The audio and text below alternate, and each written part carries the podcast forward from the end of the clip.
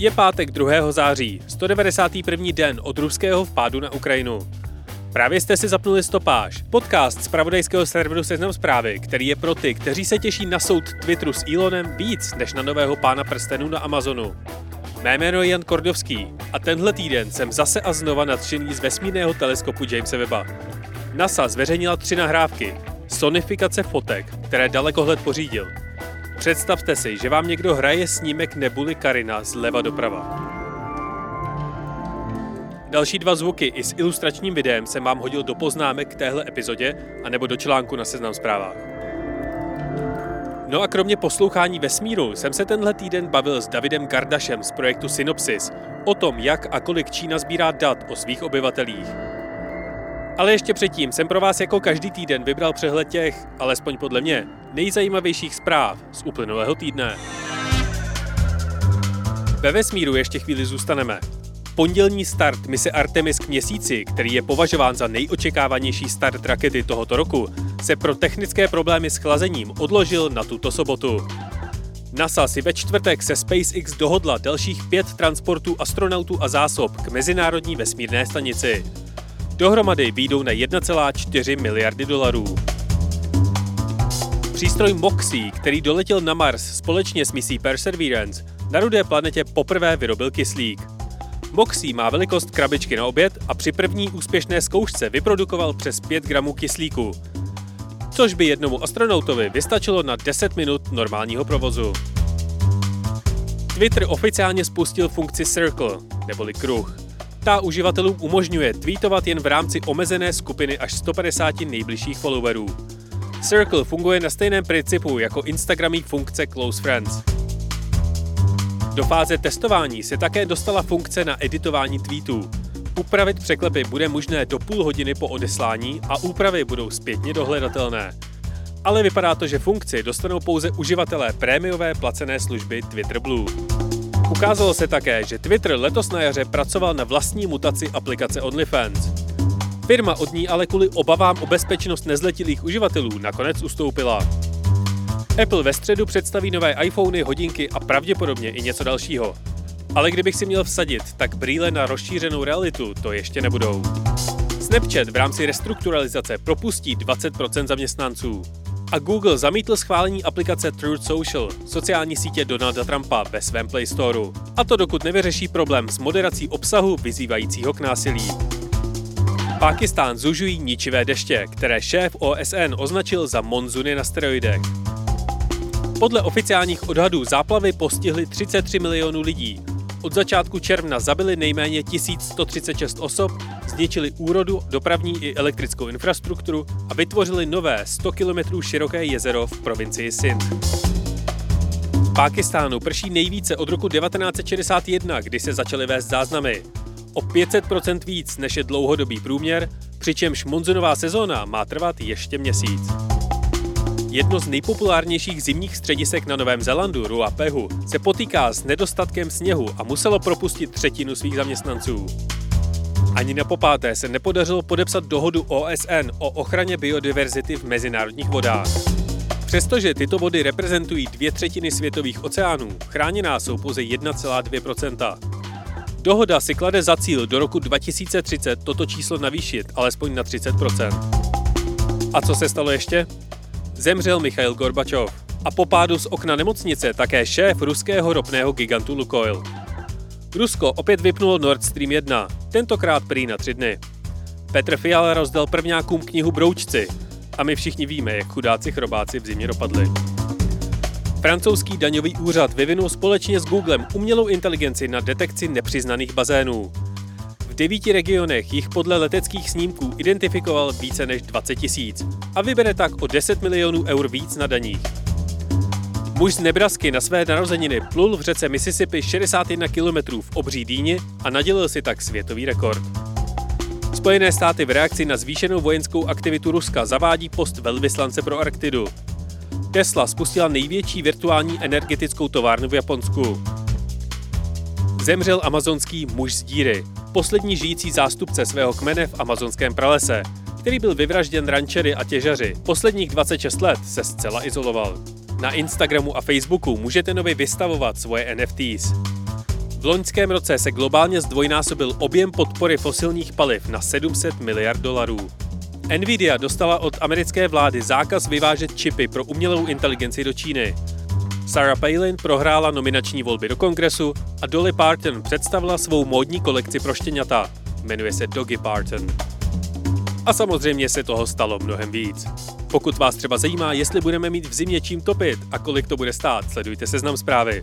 Teď už si ale poslechněte můj rozhovor se synologem Davidem Kordášem o tom, jak Čína sbírá, skladuje a využívá biometrická data o své populaci. O firmě Shinai Electronics jste pravděpodobně nikdy v životě neslyšeli. V Číně se zabývá elektronickými systémy pro kontrolu vstupu osob nebo vozidel na uzavřené lokace, tedy domy, parkoviště, školy, stavební parcely. Téhle firmě tento týden unikla databáze 800 milionů snímků obličeje a poznávacích značek. V Číně jde už o druhý obří únik dat za poslední dva měsíce. Na to, jaká data a jakým způsobem je čínský stát sbírá, se dnes budu ptát synologa a analytika Davida Gardáše z projektu Synopsis.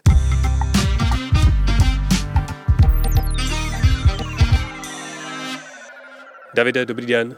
Zdravím a děkuji za pozvání. Je v Číně běžné, aby firma na kontrolu vjezdu aut na parkoviště uchovávala téměř miliardu záznamů obličejů, SPZ, údajů o věku a pohlaví řidiče? Tak když se podíváme na samotnou čínskou populaci, která čítá 1,4 miliardy obyvatel, tak samozřejmě se tam pracuje s trošku jinými objemy dat. Podobně tak, když se zaměříme na větší centralizaci do menšího počtu společností, tak je skutečně možné, že jedna taková firma může spravovat skutečně masivní objemy dat a dle všeho si nepolídala to zabezpečení, takže nakonec došlo k tomu úniku. No a tohle to není, jak už jsem zmiňoval v úvodu, první zásadní únik. V čer, před pár měsíci v červnu unikla šanghajské policie data o jedné miliardě policejních záznamů, a to včetně osobních údajů, jako jsou jména, adresy, provinění těch osob v databázi obsažených. Už víme, jak těm únikům došlo? Tak z toho, co víme tedy z těch veřejně dostupných informací, byl jistý uživatel, který vystupoval pod jménem China Tan, který nabídl tyto data k prodeji a chtěl za to 10 bitcoinů, v té době tuším nějakých 200 tisíc dolarů v přepočtu. A podle všeho tedy využil nějakých chyb v té bezpečnostní architektuře cloudové společnosti, která zpracovala tyto data. A ta společnost patřila pod Alibabu, kterou možná zde v Česku lidé znají díky AliExpressu, který tedy rozesílá zboží do celého světa. Takže de facto využil chyby a tím pádem nabídl obrovské množství dat takto volně k dispozici. Stará se o to, nebo respektive kontroluje čínská vláda nějakým způsobem přístup soukromého sektoru k datům jednotlivců, jako třeba GDPR omezuje tahle ta práva v Evropě? Tak jistý ekvivalent GDPR čínská vláda schválila loni a sice zákon na ochranu osobních údajů. Nicméně ten má celou řadu výjimek a nějakých míst, které se dají obejít právě pro potřeby nějaké národní státní bezpečnosti, která samozřejmě slouží primárně tomu režimu komunistické straně Číny, která třímá ty otěže na celou společností a de facto tak pouze utužila své postavení. A co je další věc, tak jsou i jiné zákony, které v podstatě nutí i ty soukromé společnosti z privátního sektoru ke spolupráci s vládou v momentě, kdy to opět může být nějaké ohrožení v jejich rétorice tedy státu nebo národa, nicméně primárně jde tedy o tu politickou stabilitu a o stranu jako takovou. Takže když se to vezme polopaticky, tak může prostě přijít čínský zástupce čínského státu, nějaký úředník a říct, potřebujeme přístup tady k vašim datům nebo kamerám, záznamům a podobně. Přesně tak a opravdu ty záminky mohou být uh, ledajaké, můžou být samozřejmě zneužity proti dizidentům, proti lidskoprávním aktivistům, proti žurnalistům a celé uh, skupině osob, která je samozřejmě nežádoucí z pohledu strany. Tak všeobecně uh, uchopený nebo respektive všichni jsme asi slyšeli, že existuje digitální ekvivalent velké čínské zdi, takže tedy firewall, skrz který se nedostane prakticky nic, co by si strana, ne, strana nepřála. V jistém povědomí je asi pravděpodobně i ten kreditový systém, který eh, v Číně funguje. Můžete v pár větách přiblížit, o co vlastně jde? Ano, tak ten systém a, společenského kreditu nebo také systém společenské důvěryhodnosti, to záleží, jak přeložíme to social credit systém, tak de facto funguje jako jakýsi cukrábič pro ten režim, tím, že vymáhá lojalitu ze strany obyvatelstva k tomu, aby následovali tedy zákony, ale i jiná nařízení, která jsou vydávána třeba i lokálně. Nicméně zatím tento systém není implementován na celostátní úrovni a je spíše fragmentován v mnoha různých podobách po celé Číně. A současně je také potřeba zmínit, že tam jsou využívány právě ty soukromé společnosti, jako je Alibaba, která má svůj vlastní kreditový systém, takzvaný Sesam Credit. A ten je vlastně dá se říct, separovaný od tohoto vládního nebo toho veřejného systému, který často využívá třeba i takzvané blacklisty, takže byly případy lidí, kteří si nemohli koupit kvůli můžeme říct nižšímu skóre nebo čistě tomu, že se nějak znelíbili tomu režimu, a, nebo třeba i pozdě platili půjčky, a splátky těch půjček, tak nemohli cestovat po Číně, nemohli si koupit letenky, měli omezené pracovní možnosti, co se týče vlastně veřejné zprávy nebo nějakých státních podniků. A podle všeho to směřuje k nějaké integraci těchto dvou, teda toho soukromého uh, systému spolu s tím vládním, ale zatím tam ještě Čína není. A chápu správně, že do toho eh, státního oficiálního systému tak se započítávají jak informace a data z našeho nějakého online života, eh, třeba záznamy z telefonu a podobně. A čím dál, tím, čím dál tím víc i náš pohyb offline, jako třeba záznamy z bezpečnostních kamer? Je to tak. Na jedné straně tedy veškerá ta online aktivita, kde se sbírají skutečně jako velmi široké mm, datové balíčky, ať už je to teda to, jak se člověk vyjadřuje například na sociálních sítích, jestli náhodou není příliš kritický vůči straně nebo vládě, a případně s kým se vlastně stýká, koho má v přátelích na těch sociálních sítích, protože pokud tam má někoho, kdo má například nižší skóre, tak to může ovlivnit i to jeho. A další, a vlastně ten a offline svět má ještě takovou zvláštní podobu, že nejenom teda, že to jsou i data z těch kamer, na které ještě můžeme zavést řeč, ale jsou tam často i informátoři, například důchodkyně, které jednoduše informují o tom, kdo, co, kde dělá, s kým a zdali se nějak nepřečinil vůči těm požadavkům strany nebo té komunity. Jsou ty požadavky, je to nějaký oficiální systém a seznam toho, čeho by měl člověk dosahovat a co, co by přesně neměl dělat, nebo je to uh, právě na třeba úsudku důchodkyň, které, které kontrolují. Právě jak jsem zmínil, tak zatím je to stále ještě fragmentováno s tím, že nějaká první poznámka byla v roce 2014 a s tím, že vláda by chtěla tedy vydat um, tento systém nebo zavést do roku 2020. Jak vidíme, tak už vlastně dva roky přesluhují, zatím to není na té celostátní úrovni, ale často opravdu záleží na těch uh, municipalitách, na těch městských zprávách, jak vlastně přistupují k tomu kreditu a co všechno tedy berou jako pozitivní nebo naopak negativní chování.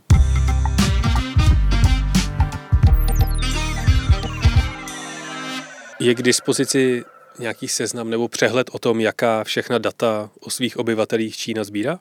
Oficiální um, informace tohoto typu do jisté míry jsou veřejně známá, nicméně tam často zmiňují například nějaká základní data jako věk, bydliště, pohlaví a možná nějaké nějaký vzdělávací background toho člověka, ale současně víme velmi dobře, že teď už to jsou i data například z těch kamer, která za těch posledních let opravdu masivně pokročila v tom vývoji.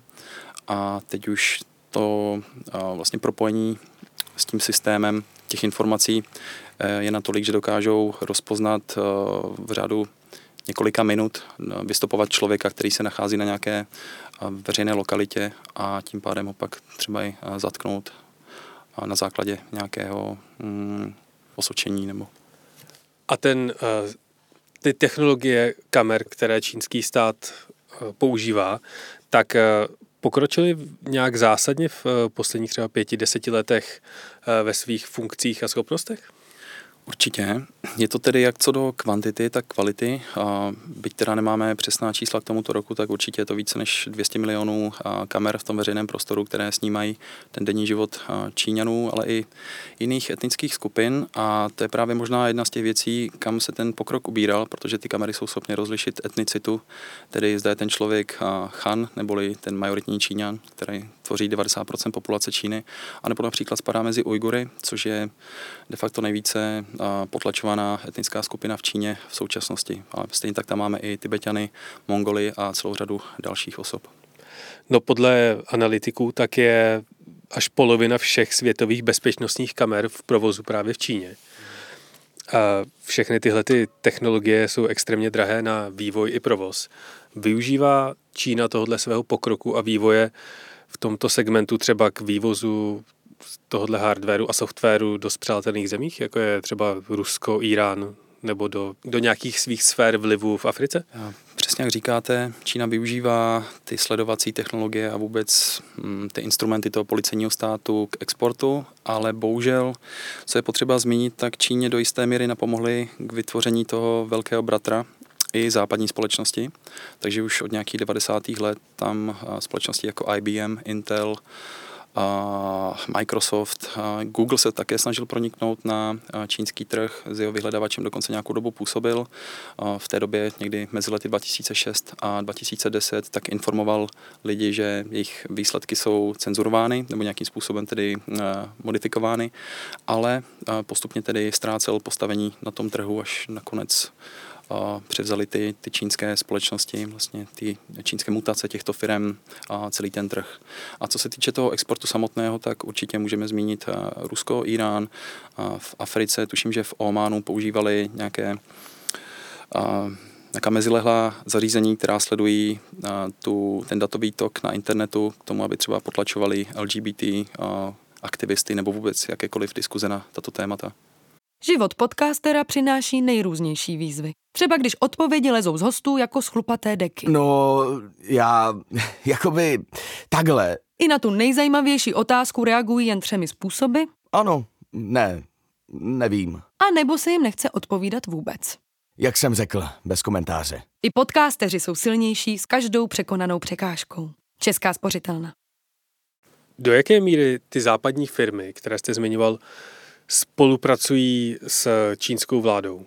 Funguje to stejně, jako když jste zmiňoval, že uh, přijde státní úředník do firmy a řekne, potřebujeme přístup k vašim datům a záznamům. Uh, jsou nějaké jako důkazy nebo zmínky o tom, že by tohle to dělali i západní firmy?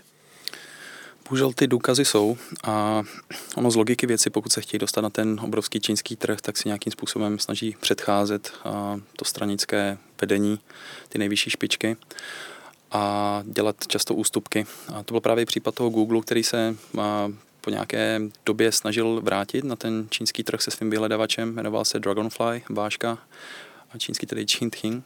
A bylo zjištěno, že ten by opět zahrnoval cenzuru těch výsledků a rozhodně by nebyl natolik svobodný, jak to známe v tom západním světě nebo vlastně i v České republice.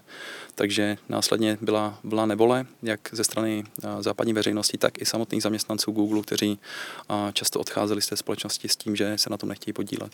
A jak se běžný Číňan dívá na technologie, které například nahrazují platební kartu skenem obličeje. Bere to jako nějakou praktickou výhodu, anebo je to další zásah do jeho soukromí? Tady asi otázka, jak definovat běžného Číňana. Určitě tam budou uh, rozličné názory na samozřejmě na všechny záležitosti, včetně toho soukromí a pojetí soukromí uh, v Číně z pohledu z těch bezpečnostních složek. Ale část populace určitě je ráda, že to nějakým způsobem usnadňuje například ty platby, když jenom mrknete do kamery v KFC, tak máte zaplaceno. Někomu přijde důležitější zase ten bezpečnostní aspekt, že teda všechno je sledováno, každý centimetr té veřejné plochy, tak uh, se třeba děje menší kriminalita, byť samozřejmě na ní dochází třeba i v těch uh, soukromých místech nebo takhle.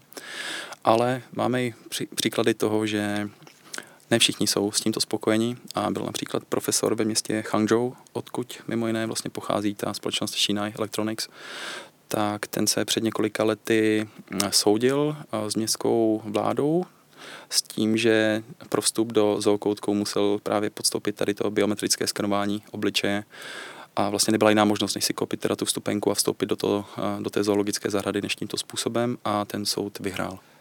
Je v Číně za sběr a analýzu a využívání dat zodpovědná nějaká centrální instituce, třeba nějaké ministerstvo, nebo se všechny ty údaje a databáze ještě nepodařilo takhle zásadně propojit? Tak dlouhodobě cílem komunistické strany Číny je centralizace a koncentrace té moci a dohledu a vůbec všech těch bezpečnostních složek a aparátů ideálně do jedné instituce. Ta by v případě Číny byla ministerstvo veřejné bezpečnosti, pak mají ještě ministerstvo státní bezpečnosti, která spíše slouží jako jakási rozvědka nebo dejme tomu ekvivalent CIA v Číně, byť má i vlastně působnost na domácí půdě takže eh, jsou to opravdu jako giganti, co se týče toho sběru dat, jejich zpracování a samozřejmě i nějaké represe následné vyvozené z těch dat, která se sbírají.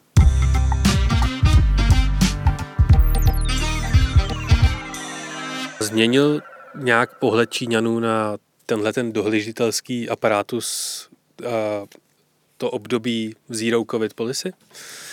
Určitě, s tím, že jsme mohli zaznamenat celou řadu protestů, které byly do té doby nevýdané a lidem evidentně už docházela trpělivost, co se týče těch naprosto striktních drakonických opatření, kdy často uzavírali celá města, například letos na jaře lockdown v Šangaji, takřka 30 milionů lidí zavřených a často natolik zavřených, že nemohli ani ven na nákup eh, pro potraviny například, takže o to se měla postarat vláda a byly zaznamenány případy, kdy nestíhali, takže ta logistika eh, potravinová nebyla dostatečná, lidé hladověli, eh, byly zaznamenány to, že lidé křičeli s tím mrakodrapů a děti teda pustí ven a tak. A... Takže rozhodně v tomto ohledu to odhalilo, že rozhodně ne všichni v té čínské společnosti souhlasí, souhlasí s tím, kam se ubírá ten čínský systém a to sledování populace. Existovaly i případy, kdy se o někom vědělo, že je třeba pozitivní a e, podařilo se mu z té karantény, karantény odejít a tenhle surveillance systém ho lokalizoval a na základě něho byl chycen a polapen? Upřímně si příklad tohoto typu nevybavuji, ale napadá mě celá řada opačných, kdy lidé měli být údajně pozitivní nebo ve styku s někým pozitivním.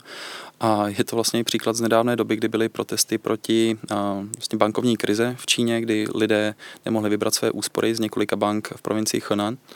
A Shodou okolností se zhruba 1300 lidí obdrželo zprávu v jejich zdravotní aplikaci Health Code, že podle všeho byli v kontaktu s někým negativním, tak ať se izolují a jdou do karantény, ale samozřejmě to bylo pouze za tím účelem, aby nabourali možnost těch protestů. A pak tuším, že i několik lidí z těch úředníků, kteří se na tom podílelo, tak měli mít nějaké tahanice, ale to až poté, co tedy zamezili těm protestům, takže se to hodilo tomu systému. A chytil se do téhle surveillance sítě někdy i nějaký vysoce postavený činov, činovník strany?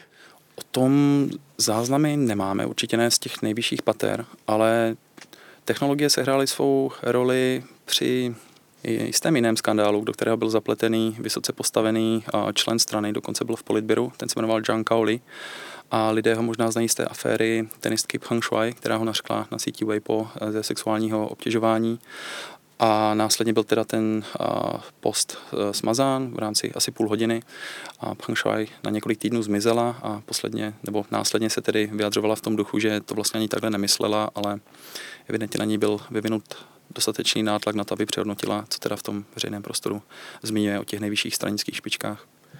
Já bych se chtěl ještě podívat na fenomén výčet, protože tenhle týden Facebook v Indii oznámil deal s místní obdobou Amazonu a začal skrz svůj, svůj messenger WhatsApp umožňovat nákup běžného zboží. A v každé analýze, která k, této informaci vyšla, tak můžeme najít paralelu s příběhem s, čínské aplik- s čínskou aplikací, super aplikací Výčet. Jaký je její příběh a role v Číně? Tak Výčet je uh, aplikace, která de facto dává dohromady celou řadu uh, funkcí, které my známe uh, v rámci nějakých oddělených aplikací, ať už je to tedy služba na posílání zpráv jako Messenger, samozřejmě i sociální síť, pak ale i ty platby, ať už internetové nebo v tom veřejném prostoru díky WeChat Pay, která má i tuto platební funkci.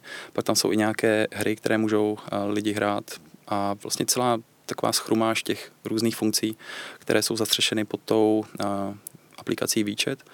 A ta tedy spadá pod společnost Tencent, což je opět jeden z těch gigantů v tom technologickém sektoru hned vedle Alibaby a například společnosti Baidu, Baidu, která má na starost největší čínský vyhledávač, takže ekvivalent Google v Číně. Je tahle ta soukromá společnost Tencent nějakým způsobem propojená s čínskou vládou?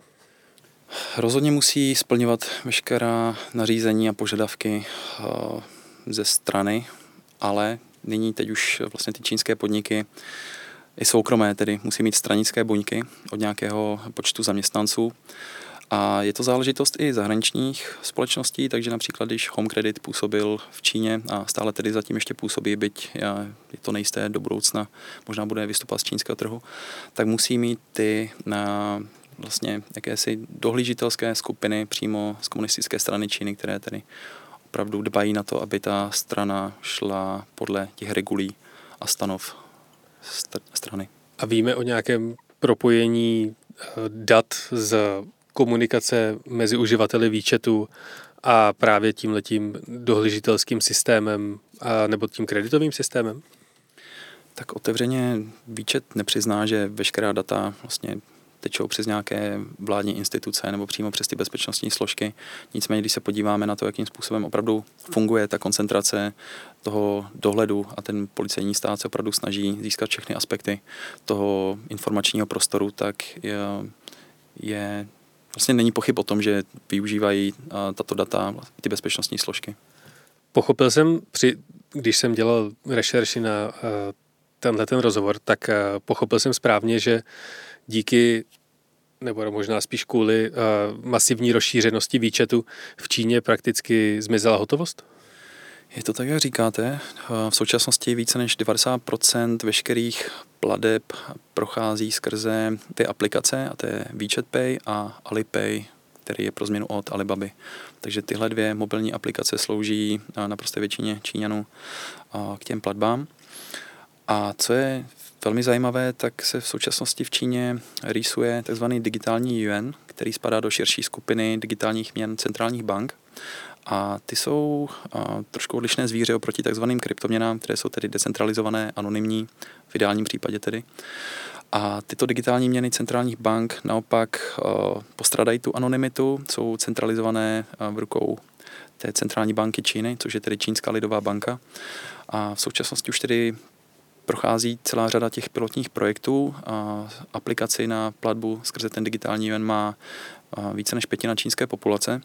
A vlastně to vedení Čínské lidové banky se netají tím, že do budoucna by měla zcela nahradit hotovost v Číně a tady opravdu se potřeba zamyslet nad tím, jestli autokratický režim by měl mít takovou moc nad veškerými finančními toky té čínské populace, ale když se na to podíváme i v rámci demokratických zemí, tak v momentě, kdy zmizí ta hotovost jako taková a nahradí zcela ten, ta digitální měna, tak najednou centrální banky mohou určit, dokdy zaplatíte těmi danými penězi, aniž by vám například potom po půl roce zmizely třeba z toho účtu, co přesně si můžete koupit, kde tím zaplatíte, takže tím můžou třeba předcházet nějakým demonstracím, koncentraci lidí v jednom prostoru a samozřejmě tam mnohem větší a, sledování a dohled nad těmi transakcemi. Takže co jsem slyšel takové hezké přirovnání, tak ten digitální yuan nebo ty digitální měny centrálních bank obecně mají blí, blíže k nějakým voucherům spíše než k penězům.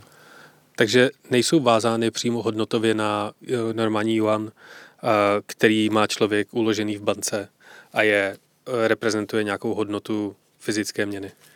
Já se obávám, že vlastně dneska už ani tu fyzickou měnu. Samozřejmě máme bankovky, máte pravdu, jako hotovost, ale reálně co dává hodnotu té měně už je spíše jenom víra lidí k tomu, že to je ten nejlepší nástroj eh, k těm ekonomickým transakcím a reálně už vlastně nejsou kryty ani zlatem, ani nějakými jinými drahými kovy. Do jisté míry například dolar tím, že se využívá jako platební prostředek pro platbu za ropu, takzvaný petrodolar, tak je krytý tímto způsobem, ale nepřímo. Takže uh, už tam nebude vlastně ta fyzický rozměr té měny toho platidla.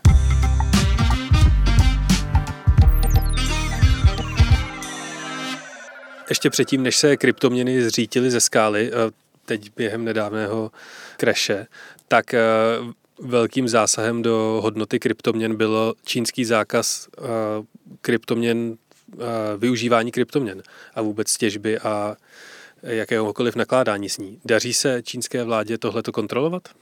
Do jisté míry určitě, protože ty opatření, které strana zavedla, tak jsou opravdu striktní a vymáhají se, ale spíše zajímavé, jaká byla záminka pro tedy ilegalizaci tady těch kryptoměn a sice to byly environmentální rozměry toho, že ta těžba bitcoinu je příliš náročná a současně tedy volatilita těch kryptoměn s tím, že příliš mnoho lidí spekuluje nad růstem ceny. Ale reálně to může být právě jeden z těch krůčků, proto si vlastně otevřít dveře k té digitální měně, měně která bude kontrolována právě z té čínské lidové banky. Pokud by se běžný Čech eh, chystal vycestovat do Číny, ať už jako turista nebo za biznisem, tak eh, co ho čeká předtím, než mu Čína vydá víza? Předpokládám, že otisky prstů a ten digitální sken obličeje jsou nějaké naprosté minimum?